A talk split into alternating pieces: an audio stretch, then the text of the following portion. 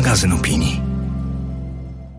Dzień dobry, cześć. Witam w kolejnym odcinku podcastu Dziś w Książce. Podcastu, w którym tym razem będę przyglądać się temu, co dzieje się i dotyka nas dziś w kontekście naszego stosunku do przyrody i całej naszej planety, poprzez wejście w książkę, która po 167 latach pewnym sensie wróciła do czytelniczego mainstreamu. I choć oczywiście dzisiaj czytana jest z zupełnie innym zapleczem, w zupełnie innych okolicznościach, jej przekaz okazał się może nawet jeszcze bardziej aktualny właśnie dziś niż w momencie jej powstania. Dziś zanurkuję więc w książce Henry'ego Davida Turo Walden, czyli Życie w lesie i przez jej pryzmat zastanowię się nad tym, jakie zmiany zaszły w naszym stosunku do natury od początku ery przemysłowej oraz nad tym, jak pogodzić nonkonformizm i indywidualizm z tego rodzaju rzucam wszystko i wyjeżdżam w Bieszczady z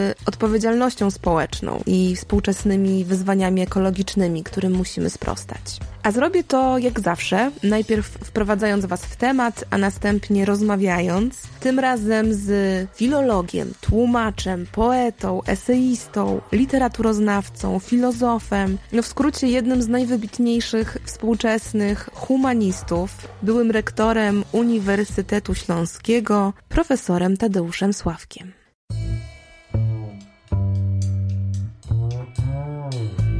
Książce to podcast o lekturach, które najtrafniej tłumaczą współczesny świat. Co miesiąc opowiadam i rozmawiam z gośćmi o literaturze, która posłuży nam za pretekst i soczewkę do przyglądania się teraźniejszości.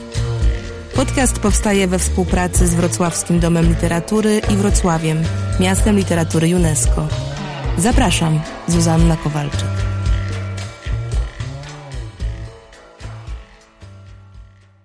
Jak na razie każdy odcinek zaczynałam od takiego wprowadzenia, które wpisywało dany temat we współczesny kontekst. I tym razem muszę się Wam przyznać, że miałam sporą wątpliwość, czy jest to w tym przypadku konieczne, bo wydaje mi się, że akurat temat naszego stosunku do przyrody jest y, od kilkunastu, kilku lat naprawdę wszechobecny. Głównie z racji postępującego kryzysu klimatycznego i świadomości konieczności zmierzenia się z tym problemem na wszystkich możliwych poziomach, zarówno prywatnym, jak i lokalnym, krajowym, aż wreszcie globalnym. Ale chyba nieco mniej wszechobecna jest zgoda co do tego, że stoimy przed koniecznością przeorientowania nie tylko globalnej polityki, ale przede wszystkim tych kluczowych założeń dotyczących ładu ekonomicznego, ładu społecznego, ale też pewnego ładu filozoficznego, czyli pewnej zmiany, która dotyczy fundamentów przez to jest tak bardzo trudna trudna, ale niezbędna, bo jeśli się nie dokona w systemowym wymiarze, to unicestwimy nie tylko świat dookoła siebie, ale i samych siebie wraz z tym światem.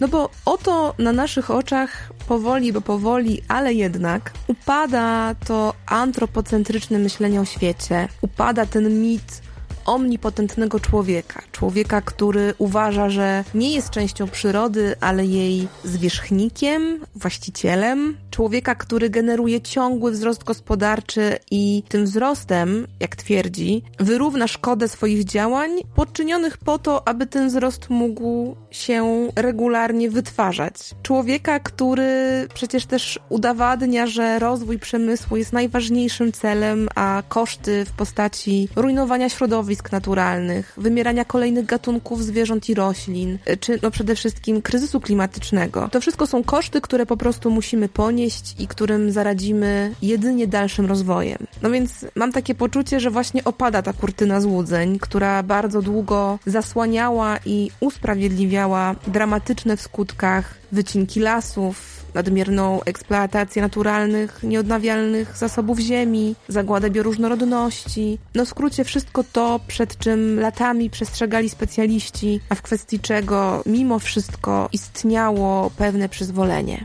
I teraz aby rzeczywiście mogła zajść jakaś gruntowna zmiana systemowa dotycząca globalnego porządku, a więc też tej nowej doktryny ekonomicznej, nowego porozumienia międzynarodowego, musi zajść oczywiście przede wszystkim zmiana świadomościowa. I ten tak zwany mindset zarówno nasz, czyli konsumentów i obywateli, jak i tych decyzyjnych w większej skali producentów i rządzących, zmienia się wraz ze zmianą bardzo fundamentalnych przekonań związanych z pozycją człowieka w świecie, a więc właśnie ze zmianą w naszym stosunku do natury, do innych istot, naszą umiejętnością doceniania przyrody, a przez to pielęgnowania szacunku do niej, podtrzymywania świadomości konieczności jej ochrony. I to wszystko, ta zmiana świadomości ekologicznej, która objawia się dziś zarówno w młodzieżowym strajku klimatycznym, czy takich ruchach jak Extinction Rebellion, jak i obronie Puszczy Białowieskiej przed wycinką, albo coraz bardziej powszechnej zmianie dotyczącej jedzenia zwierząt, myślistwa, hodowli przemysłowej.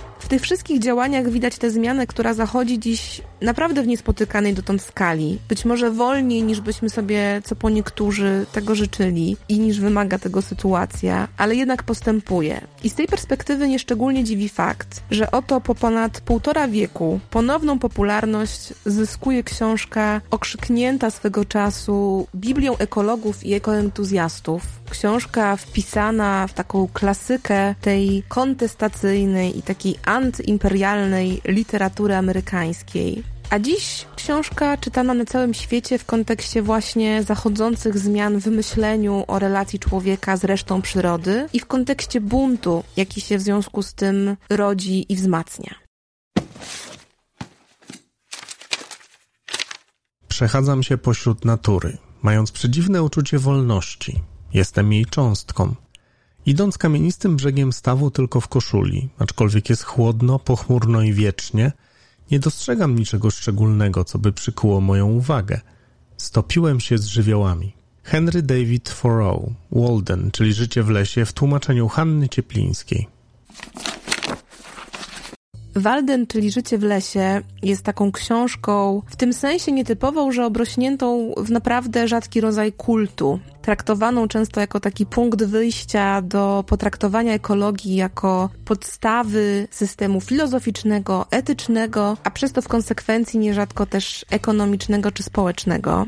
Nie uważam przy tym, że większość czyta Turo tak dogmatycznie, ani że jest to książka łatwa lub przyjemna w odbiorze. Raczej traktuję ją jako pewien drogowskaz etyczny, duchowy, bardziej niż receptę samą w sobie, ponieważ Henry David Turo jest takim ojcem takim patronem dość radykalnego buntu, takiego radykalnego indywidualizmu i radykalnego umiłowania prawdy i tej dzikiej przyrody. I to słowo radykalny nie jest tu naprawdę nadużyciem.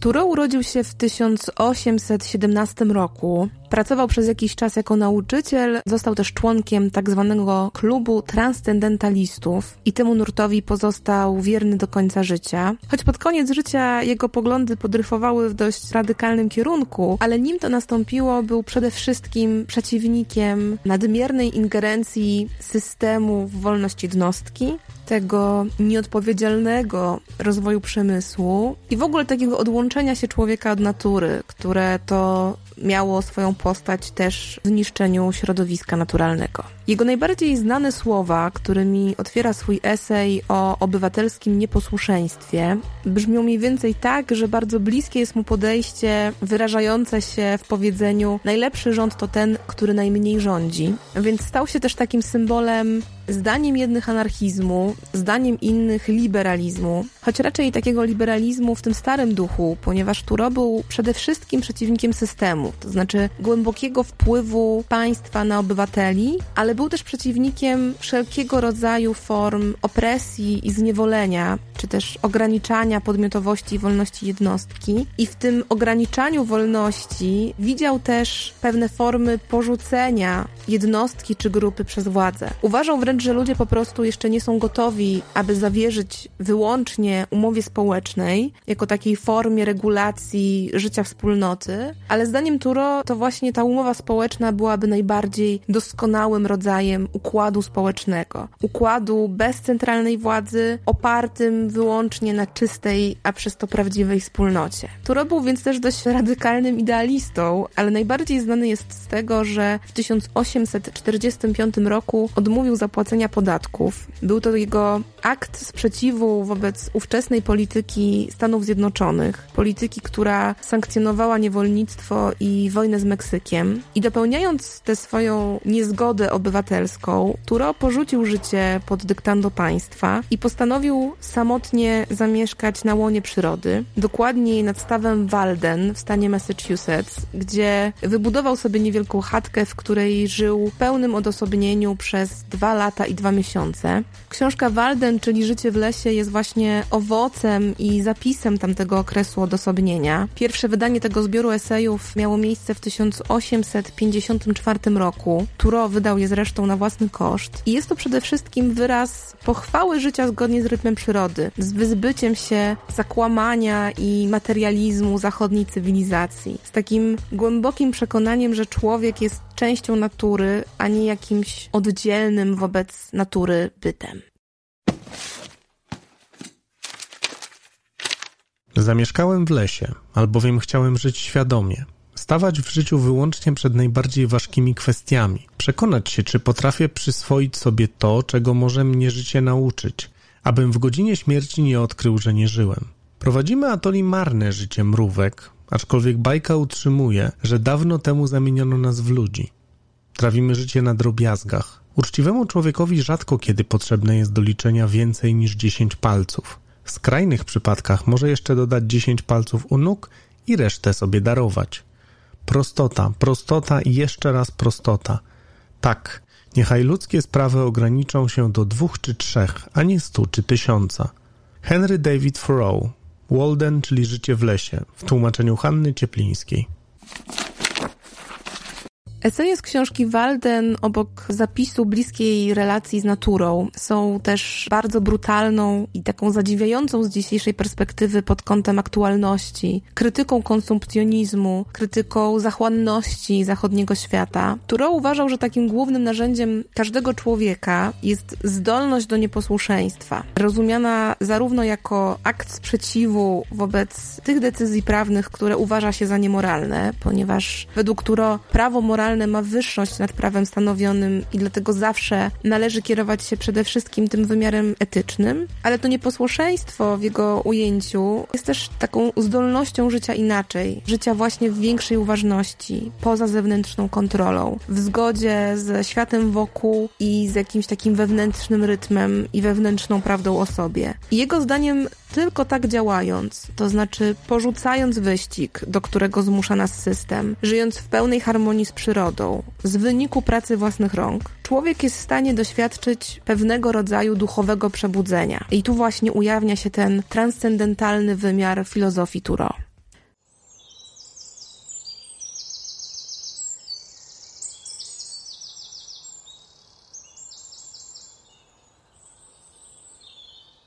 O Waldenie mówi się, że jest to Biblia ekologii, bo jest to przede wszystkim filozoficzna rozprawa o tym, jaką szkodę wyrządza nam oderwanie od natury. I może z dzisiejszej perspektywy te myśli nie brzmią jakoś e, szczególnie odkrywczo, ale na tamte czasy, czyli początek ery przemysłowej, gdy stawiano podwaliny pod współczesny kapitalizm, gdy dominował taki zachwyt nad urbanizacją, nad ludzką cywilizacją, która właśnie ma być wyższa, ma być lepsza od świata przyrody. W tamtych okolicznościach takie myślenie, tak antysystemowe i tak proekologiczne, było naprawdę dość wyjątkowe. I z tej perspektywy nieszczególnie dziwi, że Walden stał się taką książką, która od strony filozoficznej e, zachwycała później wielu pisarzy, na przykład e, Czechowa, Tołstoja czy Prusta. Jeśli idzie o wielkie postaci światowego aktywizmu, to książka ta była ważna na przykład dla Gandiego czy Martina Luthera Kinga.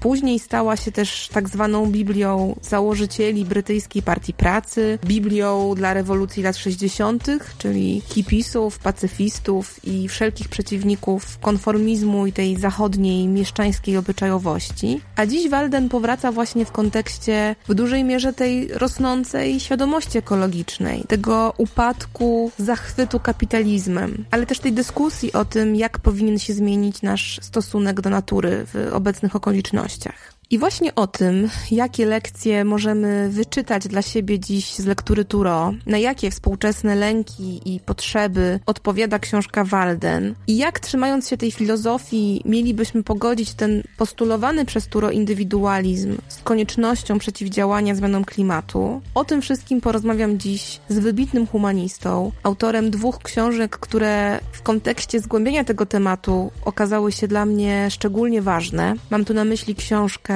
Ujmować Henry David Turo i Wspólnota Świata oraz książkę Śladem zwierząt o dochodzeniu do siebie. A zatem będę rozmawiać z profesorem Tadeuszem Sławkiem. Zapraszam.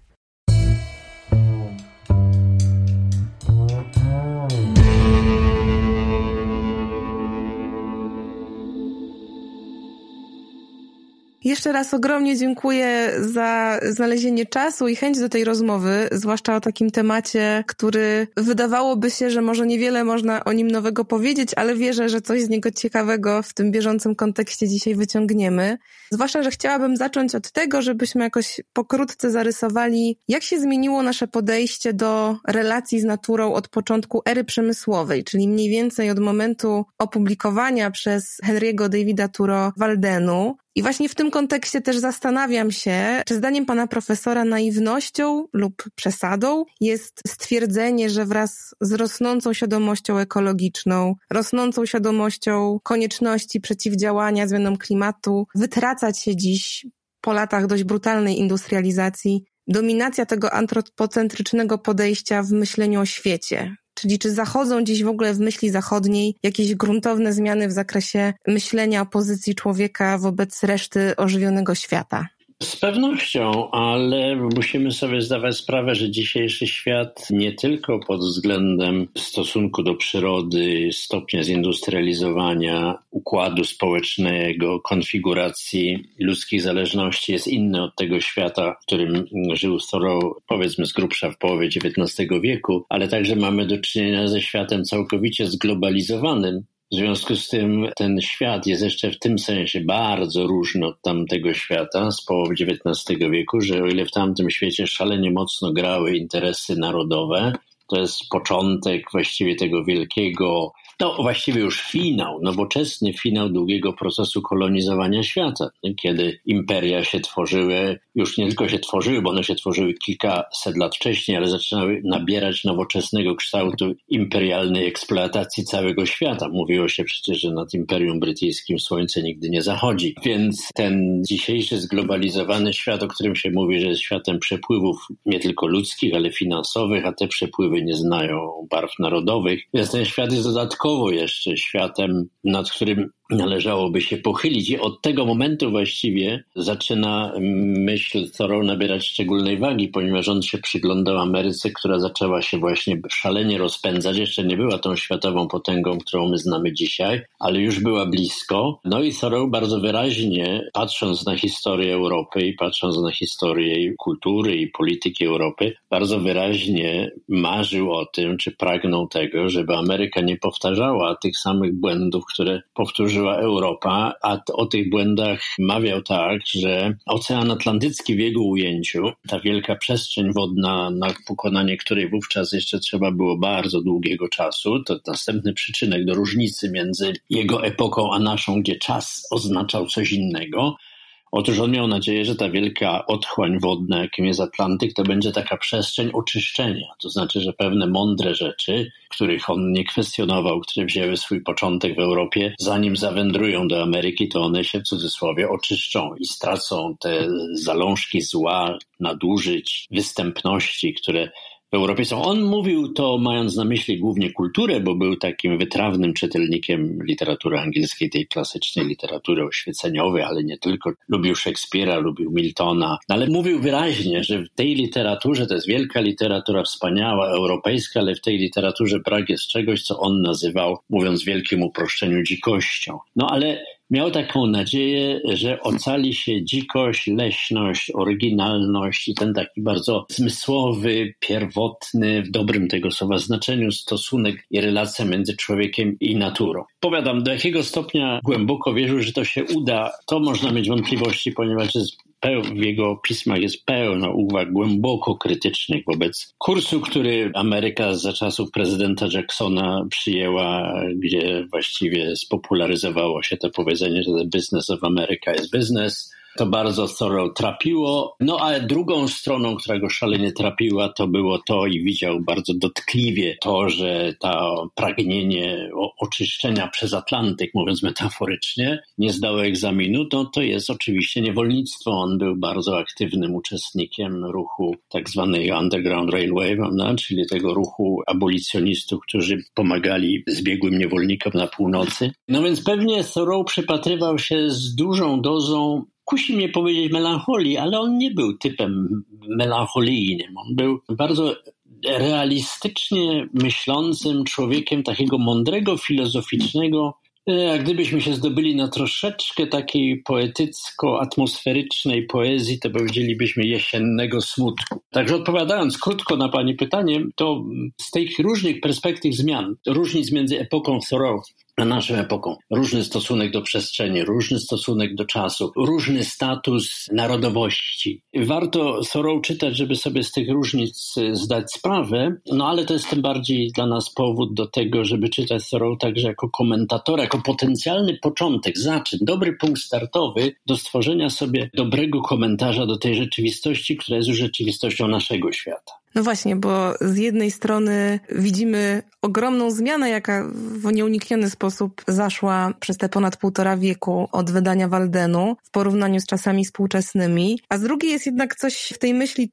Thoreau, co pozwala nam, czy też zmusza nas do jakiegoś powrotu do niej, bo przecież nie jest tak, że Walden czytamy dopiero dzisiaj, on powracał i, i w latach 60. i powracał przy, nie wiem, tworzeniu brytyjskiej partii pracy. No jest to książka, która się w bardzo różnych kontekstach gdzieś notorycznie odtwarza i, i powraca, co jest bardzo w niej ciekawe. No i dlatego też biorąc pod uwagę te wszystkie zmiany, o których pan profesor powiedział, globalizm, odejście od właśnie takiego bardzo narodowego myślenia o problemach. Co pan profesor uważa na temat tych wszystkich myśli i doniesień o tym, że Turo jest takim profetą na współczesne czasy, z tym jego postulatem umiłowania przyrody, z krytyką ślepego postępu, z krytyką konsumpcjonizmu. No oczywiście, to były zalążki, kiedy on to pisał, problemów, których my dzisiaj zbieramy żniwo w tym takim już dużo bardziej obfitym kształcie, ale co takiego jest w tych jego tekstach, w tej jego filozofii, że w różnych czasach ona jakoś powraca i zwłaszcza dzisiaj, że, że jakoś z, z ogromnym zainteresowaniem ponownie tego Turo czytamy. Dobrze się stało, że przypomniała Pani, że oczywiście będzie się Thoreau nie odkrywamy po raz pierwszy. Rzeczywiście on był jednym z tych wielkich natchnień dla pokolenia lat 60. Oczywiście i tutaj dzielił to komisję na przykład z innym wielkim takim duchem inspirującym pokolenie lat 60. i bardzo zresztą w wielu miejscach zbieżnym z jego poglądami, jakim był no, wybitny, wielki angielski artysta, poeta, malarz William Blake pewne myśli później czytelnicy na przykład Fryderyka Niczego, który jest nieco tylko późniejszy od Thoreau, no powiedzmy tak pół pokolenia późniejszy. Mówię o tym nie dlatego, żeby go wpisać jakoś w jakieś szerokie zależności, ani broń Boże nie wskazywać jakiegoś wyłącznego kontekstu, w którym trzeba czytać Thoreau, ale mówię o tym dlatego, że wspólnota takich wybitnych umysłowości wskazywałaby na to, że pewna doza krytycyzmu, który pani generalnie opisała przed chwilą, ona zaczynała się wcześniej. To my z perspektywy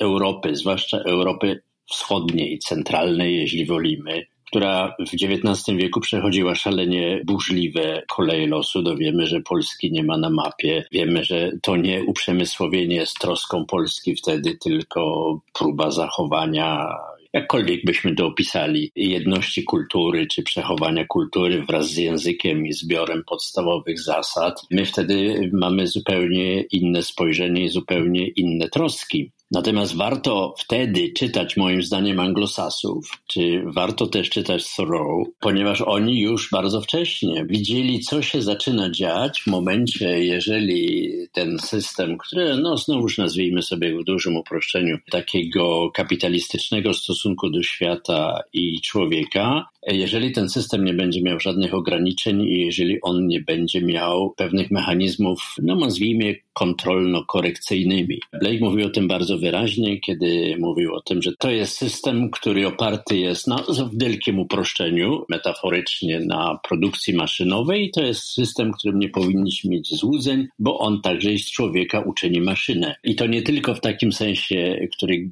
genialnie ukazał Charlie Chaplin w Modern Times, prawda, kiedy odegrał rolę robotnika przy taśmie, który nawet odszedłszy od taśmy wykonuje te same monotonne ruchy, bo tylko taka jest specyfika pracy na taśmie montażowej. Ale już nie tylko o to chodzi. Blake wiedział wyraźnie, że to przesiąknie do wnętrza człowieka, że człowiek tak samo zacznie myśleć że tak samo zacznie konstruować świat i swoje relacje z ludźmi. Więc w tym kontekście trzeba by także czytać Thoreau z jego zasadą, którą moglibyśmy nazwać bardzo ograniczonego wzrostu, bo jednym z podstawowych postulatów Waldena to jest to, że on się wyprowadził na dwa lata do tej niewielkiej chatki, a była rzeczywiście niewielka i replika stoi do dzisiaj nad tym stawem Walden. Mówię, że stoi replika, bo oryginał się nie zachował. I on mówi bardzo wyraźnie, że on tam nie poszedł, żeby sprawdzić, czy da się żyć oszczędnie. Nie poszedł tam, żeby oszczędzać na wydatkach, tylko on poszedł zobaczyć, co jest w życiu zasadnicze, czyli mówiąc znowuż w wielkim uproszczeniu, bez czego można się obejść. Mówiąc jeszcze inaczej, może bardziej pozytywnie, żeby sprawdzić, które nasze potrzeby są tak naprawdę naszymi potrzebami, a które są potrzebami, które narzuciliśmy na siebie, bo ktoś nam wmówił, bo tak ludzie żyją, bo to ludzie mają i w związku z tym myśmy to uznali za potrzeby nasze, autentyczne, własne. No więc te wstępne diagnozy prowadzące do ideału, do zaszkicowania pewnego modelu życia, życia, które jest wolne, proste, ufne i wielkoduszne. Ta wielkoduszność jest szczególnie ważna, bo proszę pamiętać, że wkraczamy nie tylko w rekonsumpcję, ale wkraczamy też w epokę społeczeństwa, które no, nie tylko się opiera na prawie, bo to już tę epokę mamy za sobą, bo przecież ta idea, że państwo funduje się na prawie, nie jest ideą nową. Tylko, że mamy do czynienia z państwem, które prawo, prawem zaczyna także regulować swoje stosunki ekonomiczne, gdzie konstrukcje prawne zaczynają być tak tworzone, żeby jakoś otworzyć możliwości nieograniczonego, mniej lub bardziej nieograniczonego rozwoju, bogacenia się itd., tak itd. Tak Więc ta wielkoduszność, która potrafi spojrzeć na prawo i zobaczyć, że prawo, e, choć nawet mi sprzyja, to nie jest zawsze okolicznością, której powinienem słuchać, bo są także inne względy. W tym momencie otwieramy problem tak zwanego nieposłuszeństwa obywatelskiego, którego to terminu Thoreau jest także autorem i to jest jeden z podstawowych tekstów, który ja myślę, że każdy uczeń w szkole, w liceum powinien ten tekst przeczytać, bo to jest jedna z Biblii nowoczesnego obywatela. On widzi bardzo wyraźnie mankamenty świata, który prowadzi nas do sytuacji, w której człowiek nie jest dobrze związany ze światem, tak bym to ujął. On ma takie ładne pojęcie w swoich dziennikach, a zostawił tych dzienników 14 tomów, który mówi o universal relatedness, co ja sobie pozwoliłem przetłumaczyć jako powszechne związanie. Otóż człowiek nie jest już powszechnie związany ze światem, ze wszystkim, co jest, tylko jest związany albo ze swoją specjalnością zawodową, albo ze swoją karierą, albo ze swoim bogactwem, albo ze swoim mniej lub bardziej agresywnym stosunkiem wobec świata i tak dalej, i tak dalej, i tak dalej. Był też autorem takiego innego bardzo ładnego pojęcia serene confidence, co ja sobie pozwoliłem znowu przetłumaczyć jako pogodne zaufanie. Takie zaufanie pogodne, które nie polega na ślepej wierze ani na optymizmie, ale polega na takim przekonaniu, że to, co człowieka otacza, to jest coś, z czym człowiek powinien być absolutnie związany, a jednym z boleści Thoreau było to, że właśnie nie jest, że człowiek się od świata odwiązał, by tak rzec, i związał się wyłącznie ze stanem interesów ludzkich, natomiast całkowicie zaniedbał stan interesów świata i w związku z tym ten świat stał się tylko światem, który nas otacza. No a słowo otacza jest tu charakterystyczne, bo coś, co nas otacza, to jest albo obojętne wobec nas. Zakłada pewien dystans. Tak, zakłada dystans. Co więcej, to ono może nabrać w takim języku militarnym nawet taki charakter czegoś wrogiego. Wróg nas otacza, prawda, i trzeba coś mm -hmm. zrobić. Dlatego powiedziałbym, że on nie wybrałby, choć y, to mówię już na własną odpowiedzialność oczywiście. Pewnie nie powiedziałby, że człowiek powinien żyć w świecie, który go otacza, ale w świecie, który go otula. No a otulanie to już jest zupełnie inny dyskurs. Jesteśmy w zupełnie innym świecie, w zupełnie innej mentalności. Chociaż oczywiście, jak powiadam, Thoreau nie należy go brać za takiego naiwnego sentymentalistę natury. Wiedział, że natura jest brutalna, natura ma swoje prawa. Wiedział, że zwierzęca natura w człowieku się odzywa i z tym też człowiek powinien się dobrze związać. Tak, ale to otulenie się wydaje jakieś bardzo bliskie temu dzisiejszemu słowu, które od y, mowy noblowskiej Olgi Tokarczuk no, stało się takim trochę hasłem na nowe czasy, czyli z tą czułością, którą odnosimy do natury, do przyrody, więc może też w tym sensie ten Thoreau jest jakoś nam dzisiaj potrzebny i jakoś dobrze ten wątek uzupełnia. To prawda, chociaż jego czułość jest taką czułością, no nie chcę powiedzieć szorstką, ale jest, nie jest czułością sentymentalną. Ja nie chcę przez to powiedzieć, że ta czułość, o której mówi Olga Tokarczuk, taką jest, ale pierwszą naszym takim skojarzeniem istotnie y, mogłoby być, że czułość się łączy z takim pewnego rodzaju sentymentalizmem, co w przypadku Thoreau, Tokarczuk również nie jest prawdą. Natomiast Proszę też pamiętać, to, to, taką dygresję czynimy, że y, to odkrycie tej czułości przez Olgę Tokarczuk bardzo nam dobrze wszystkim zrobiło. Ona w okresie takiego rozwiniętego modernizmu, czyli mówię o latach 1920-1930, y, kiedy na przykład w Anglii działają tacy pisarze jak David Herbert Lawrence, on w swoich poezjach, takich krótkich filozoficznych wierszach, on bardzo często używa słowa tenderness. Ta nuta tej czułości jako ważny element krytyki bezwzględnego, ekspansjonistycznego świata, ona jest obecna od jakiegoś czasu. Dobrze się stało, że Olga Tokarczuk ten temat podjęła, ale pamiętajmy, że w tej linii by się też zmieścił Thoreau jako daleki protoplasta w międzyczasie mamy pomost postaciowego Lorenza i paru jeszcze innych e, pisarzy, którzy też o tym mówili. Ale dobrze, że Pani wspomniała o czułości, bo rzeczywiście ten ton jest wyczuwalny u Thoreau. W związku z tym konstrukcja ludzkiego ja, które byłoby dobrze ze światem związane, a nie jest, musiałaby uwzględnić coś, co już jest pozaludzkie. To znaczy musiałaby pokazać, do jakiego stopnia jesteśmy dziećmi tego, co nas otula i do jakiego stopnia nasza biografia jest w istocie zawsze ekobiografią. No właśnie tak się zastanawiam, poczytając Turo jakoś tak cały czas brzmiało mi w głowie, że ten jego postulat trochę porzucenia na jakiś czas ludzkiej cywilizacji i powrotu na łono przyrody, po to, żeby tym światem się przyrody otulić i jakoś do niego wrócić jakoś się do niego zbliżyć. Trochę odnajduję podobne wartości i jakości w tym dzisiejszym takim żartobliwym haśle rzućmy wszystko i wyjedźmy w Bieszczady, że to jest właśnie trochę taki wyraz pewnego zmęczenia, pewnego przesytu tą kapitalistyczno-przemysłową rzeczywistością tego przesytu, który też zresztą teraz y, w momencie pandemii trochę nam się dał w szczególny sposób odczuć. Takie też mam poczucie, że ten głód bliższego kontaktu z naturą w tym momencie pandemii jakoś nam się jeszcze silniej uobecnił. Jakoś nagle jeszcze bardziej doceniliśmy, jak istotne dla naszego zdrowia jest możliwość wyjścia do lasu, czy nawet y, na łąkę między blokami, ale jakiś kontakt taki z, z żywym światem za okna.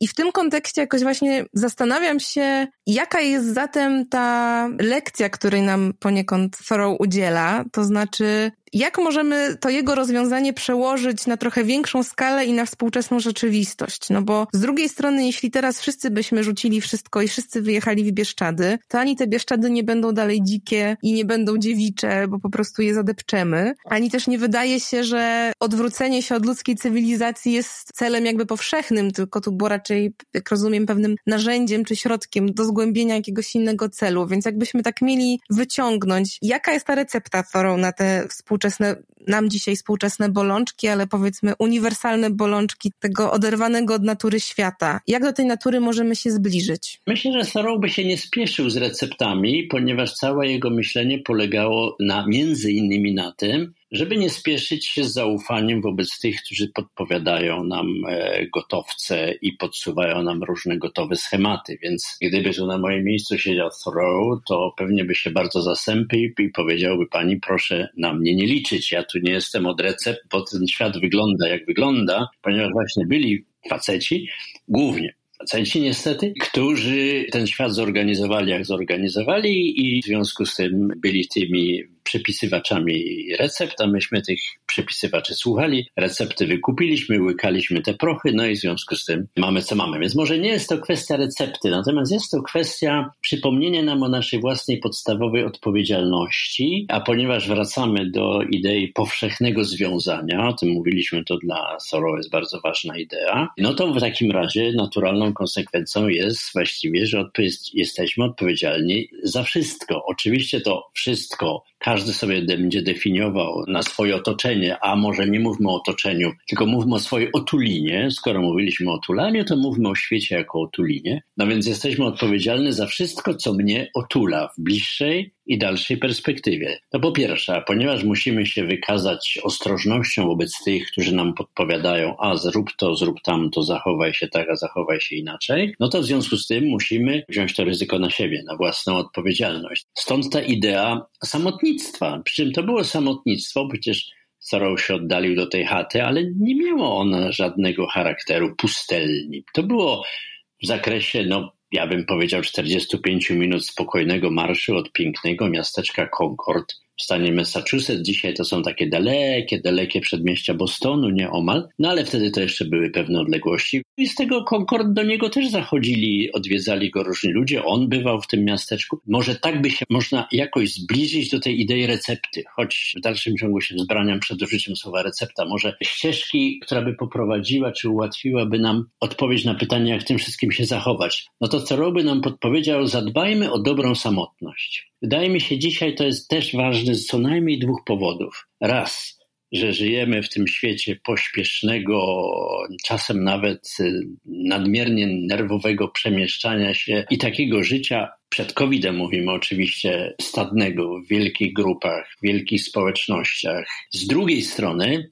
COVID pokazał nam, jak ważna jest społeczność, bo nas odciął od tego, ale z drugiej strony chyba nam powinien dać do myślenia, że myśmy chyba tą społeczność źle rozumieli, bo myśmy ją chyba rozumieli jako po prostu, używam tego słowa w dużym uproszczeniu, jako po prostu pewien rodzaj przynależenia do pewnego stada, do pewnej grupy i sam z samego faktu przynależenia tam czerpaliśmy radość i uciechę, natomiast nie zadawaliśmy tej grupie żadnych pytań. Tymczasem Thoreau byłby zwolennikiem dobrej samotności. Przez dobrą samotność rozumiałoby bycie na marginesach wspólnoty. Czyli tak, jak na marginesach miasteczka Concord stała chata nad Waldenem, tak samo człowiek, który szuka siebie i szuka swojej postawy dobrego związania, czy też owej pogodnego zaufania, czyli ten, kto chce pędzić życie mądre, dobre, proste i wielkoduszne, no to ten będzie się poruszał na obrzeżach wspólnoty, to znaczy będzie zadawał tej wspólnocie kłopotliwe pytania, a Thoreau robił to cały czas. Niektóre z tych pytań dzwonią nam dzisiaj w uszach, bo pytał się na przykład, jak to się dzieje, że bogate miasteczko przeznacza tylko pół procenta na utrzymanie swojego domu kultury. To się nie nazywało Domem Kultury, nazywało się inaczej, ale mniejsza z tym. Tłumaczę to na współczesne rzeczywistości. Czy też zadawał inne kłopotliwe pytanie w rodzaju, jak to się dzieje, że takie społeczeństwo, które chce mieć ludzi rozumnych, ma tak nieudolnie skonstruowany system edukacji, etc., etc., etc. Czyli krótko mówiąc, służymy wspólnocie przede wszystkim jako jej krytycy. Wtedy wnosimy swój udział na wspólnotę. Proszę zwrócić uwagę, jak to się szalenie różni od przyjętego dzisiaj modelu na przykład kształtowania się życia politycznego, gdzie każdy, kto podnosi najmniejszą wątpliwość wobec racji tych, którzy zarządzają światem, jawi się nagle jako jakiś głęboki przeciwnik, jako totalny opozycjonista. Przecież Thoreau popatrzyłby na to, zbladłby ze zgrozy i powiedział, nie niszczcie tych, którzy chcą dobrze służyć wspólnocie. A z drugiej strony COVID odciął nas. Dodatkowo jeszcze właściwie, powiedzmy sobie to szczerze, jeszcze wcześniej odcięły nas media społecznościowe, które z jednej strony grupują ludzi, ale z drugiej zamykają ich w swoich bańkach przed ekranem, także manipulując bezlitośnie, powiedzmy sobie to szczerze.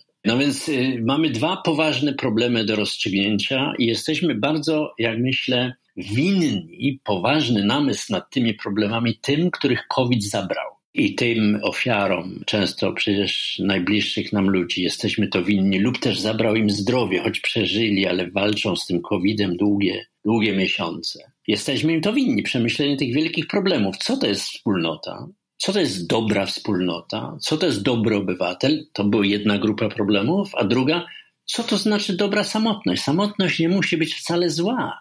Samotność jest jak gdyby podstawowym warunkiem, którym człowiek się, sytuacją, w której człowiek się przygotowuje mądrze do wspólnoty. I z tej samotności wspólnocie służy. Więc z tego punktu widzenia Thoreau na te dzisiejsze nasze trudne czasy, kiedy jesteśmy zamknięci w takim czasie, który nazwałbym jakimś hiperczasem, bo każdy jest zamknięty przed ekranem i w związku z tym te czasy się mieszają, przelewają się różne czasy przed ekranem, gdzie się ściąga różne rzeczy z wielu nieomal epok i to wszystko się ze sobą miesza, jak gdybyśmy już stracili takie poczucie tego, co to znaczy tu. Przestrzeń wirtualna daje mi możliwość bycia nieomal gdziekolwiek, ale Thoreau by się strasznie tym zastąpił. Powiedziałby, człowieku, jak nie potrafisz sobie zadać pytania, gdzie ja jestem i następnie uważnie popatrzeć na otoczenie, ale to fizyczne otoczenie i powiedzieć, tu jestem to otoczenie tak wygląda, ma takie szczegóły, takie detale, tak się z tym otoczeniem wiąże, no to by powiedział, to właściwie tracisz swoje człowieczeństwo. W dużej mierze to pytanie, gdzie jestem, kto wie, czy dla Thoreau nie było ważniejsze niż pytania, kim jestem, tak na dobrą sprawę. Ponieważ od pytania, gdzie jestem,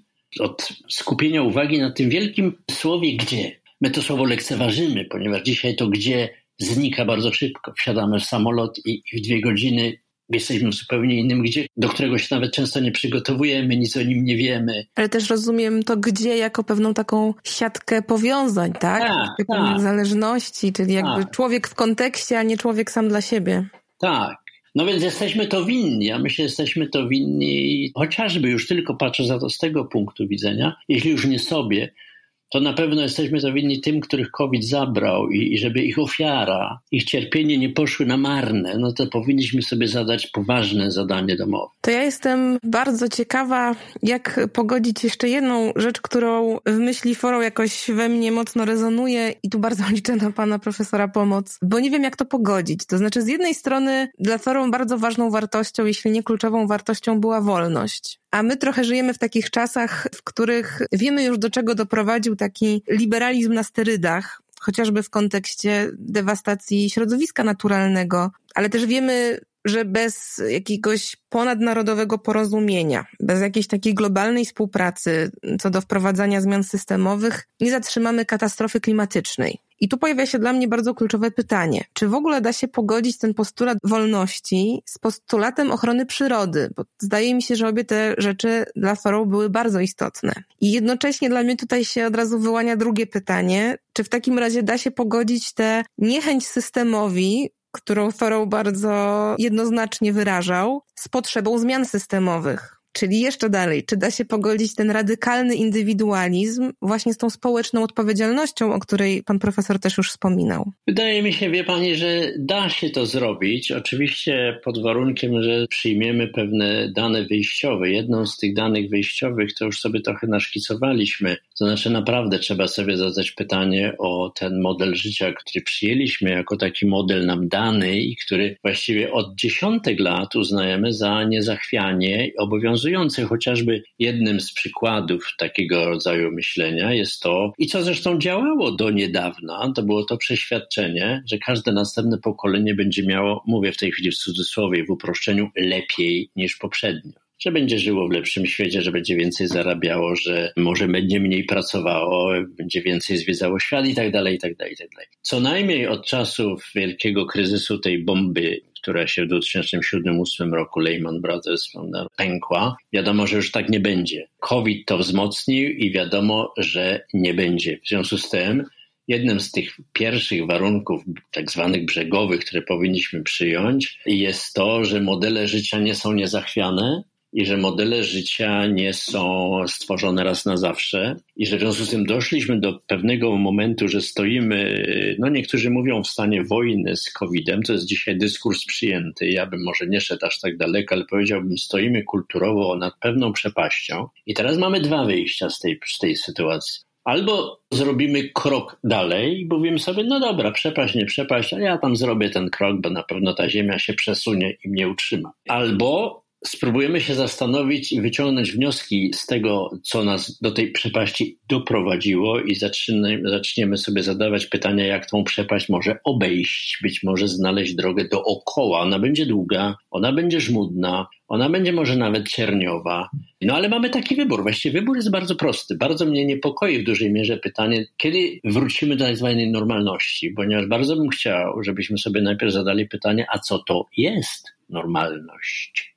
Bo jeżeli mamy wrócić do tej samej normalności, co było, no to jest odpowiednik tego jednego kroku, który zrobimy dalej do przodu, no bo szliśmy zawsze w tym samym rytmie, no to dawaj, pójdziemy dalej i spadniemy i rozbijemy sobie łeb. Tak, takie też pominięcie pewnego łańcucha przyczyn i skutków, że to Oczywiście. tamta normalność doprowadziła nas niejako do punktu, w którym jesteśmy.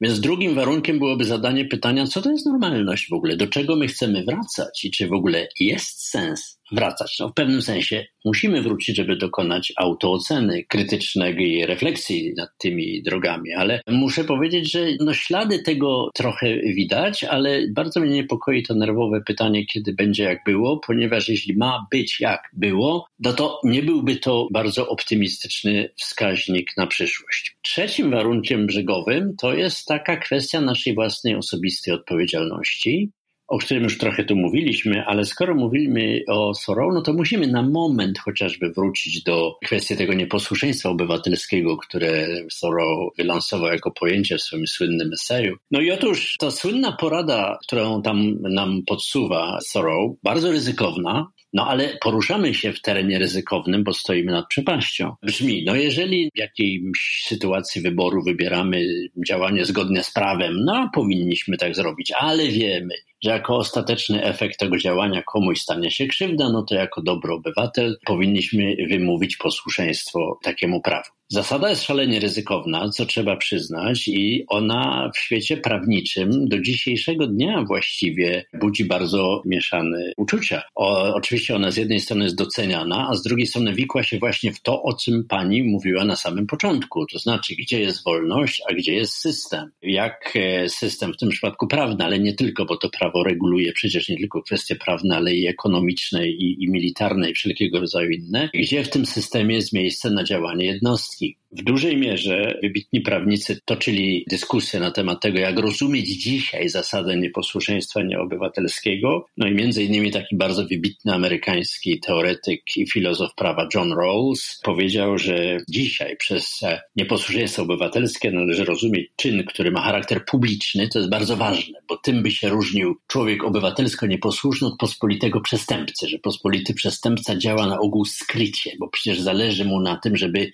nie być złapanym, prawda? Tymczasem obywatelowi nieposłusznemu wprost przeciwnie. On chce być widoczny i nią mm, z pewnym poczuciem, robiąc może krok za daleko, że nawet w cudzysłowie chce być złapany po to, żeby ten efekt publicznie był mocniejszy. Dalej mówi Rawls, że to jest działanie bez przemocy, co jest bardzo ważnym elementem, że to jest działanie sprzeczne z prawem, to nie ulega wątpliwości, ale dyktowane sumieniem, to bardzo ciekawy element, jak wpleść sumienie w język wyborów nie tylko przeciętnego człowieka, takich wyborów czysto moralnych, ale także właśnie wyborów prawnych, gdzie jest miejsce w prawie na sumienie. No i wreszcie mówiłby, że to jest takie działanie, które powinno mieć na celu zmianę obowiązującego stanu rzeczy, czyli w konsekwencji właściwie zmianę obowiązującego stanu prawnego. Ja myślę, że to jest bardzo ciekawe uwspółcześnienie tej myśli. Rzeczą kluczową jest chyba to, że ów nieposłuszny obywatel jest gotowy, działając absolutnie jawnie, bez przemocy, jest gotów do poniesienia kary. To jest rzecz niezwykle, niezwykle ważna. I oczywiście jest pytanie odwrotne, jak się ma państwo zachować wobec takiego obywatela też nie ma jasności. Inny wielki prawnik e, amerykański, teoretyk prawa Richard Dworkin mówił, no tak, to jest rzeczywiście czyn niezgodny z prawem, ale biorąc pod uwagę elementy sumienia i dobrej intencji, mądre państwo stosuje tutaj maksymalne złagodzenia kary. Więc poruszamy się w niezwykłym gąszczu problemów, które Thoreau uruchomił. Pani to streściła słusznie do pytania, gdzie jest wolność i antysystemowość e, w systemie, który wolność szalenie ogranicza. Mi się wydaje, że nie rozstrzygniemy tego węzła gordyjskiego, nie rozetniemy. Natomiast możemy wskazać tylko na jedną rzecz, że każda jednostka musi sobie zdać sprawę, że nie może zwalić odpowiedzialności, a przynajmniej nie powinna czuć się zwolniona z indywidualnej refleksji na temat wyboru, który czyni. Czyli nie powinna działać z wyboru, bo tak czynią inni, nie powinna po prostu automatycznie działać, bo tak mówi prawo, tylko powinna każdorazowo, przynajmniej w tych wielkich decyzjach, zastanowić się, a gdzie tu sumienie, a gdzie tu interes publiczny i działać w nieskrytości, co jest bardzo ważne. No to ja mam takie poczucie, że może nie wywnioskowaliśmy stąd jakiejś recepty, ale na pewno jakiś ciekawy drogowskaz. A skoro pani o drogowskazie wspomniała, no to jeszcze powiedzmy, że przecież nowoczesna polityka zna doskonałe wyniki stosowania nieposłuszeństwa obywatelskiego, chociażby słynny marsz solny zaczęty przez Gandiego w Indiach w roku 1930. Pokonali prawie 400 kilometrów maszerując i to był początek właściwie drogi do niepodległości Indii. Prawda? A i Gandhi czytał Thoreau, więc... Tak, Gandhi czytał Thoreau, to prawda. Czy też właśnie pra, walka o prawa wyborcze kobiet w Anglii w latach, e, na początku XX wieku. Więc są dowody tego, że to przynosi skutek. A więc o tym warto mówić, o tym warto mówić.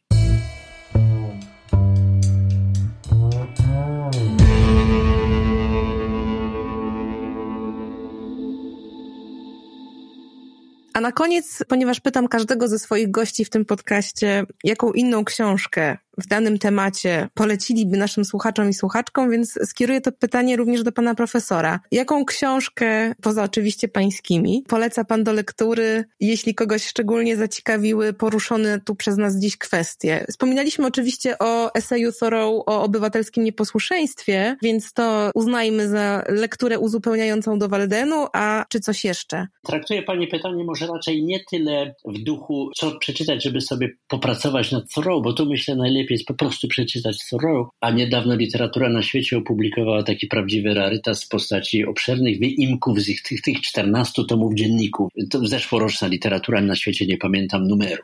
Więc to byłby taki jeden przypis bibliograficzny dla tych, którzy chcą się poruszać w obrębie Thoreau. Taka nowinka, zapowiedź, mam nadzieję, że któreś z wydawnictwa, bo Juliusz Pilichowski to przetłumaczył większe fragmenty, może większe fragmenty się ukażą, ale na razie jest cała literatura na świecie poświęcona Thoreau i to byłoby dobrą lekturą. Natomiast pani pytanie raczej traktuje jako zapytanie o to, co by przeczytać może w duchu Thoreau, co pokazałoby, gdzie ta droga poszła i jakie kształty przybrało tego rodzaju myślenie, tego rodzaju pisanie powiedzmy 100 lat później. No i tutaj mam bardzo dużego faworyta w postaci książki, no, za którą Annie Dillard, bo o niej mówię, wybitna amerykańska pisarka, dostała nagrodę Pulitzera jeszcze w latach 70.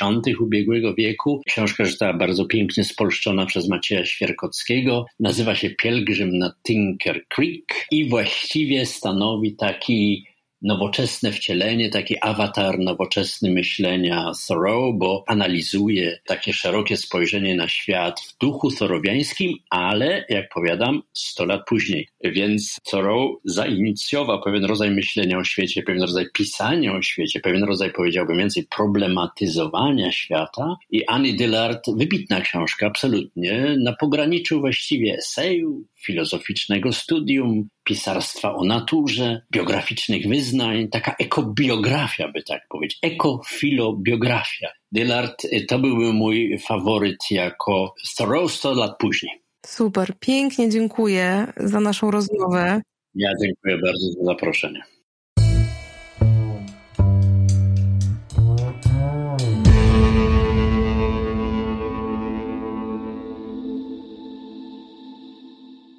Nic dodać, nic ująć. Bardzo polecam Wam uważną i krytyczną lekturę Turo, od której można nauczyć się właśnie uważnego i krytycznego spojrzenia na wspólnotę i nasze otoczenie, lub jak to wyszło z rozmowy z profesorem Sławkiem, naszą otulinę. Bardzo dziękuję profesorowi Sławkowi za w moim odczuciu niezwykle ciekawą rozmowę. Bardzo dziękuję też Wam za dosłuchanie tego odcinka do końca. I jak zawsze przypominam, że wcześniejsze i kolejne odcinki znajdziecie na kanale podcastowym Pismo do Słuchania na platformach Spotify, Apple Podcast, Google Podcast i SoundCloud oraz na kanale Radio Proza i YouTubie Wrocławskiego Domu Literatury. Dzięki i do usłyszenia za miesiąc.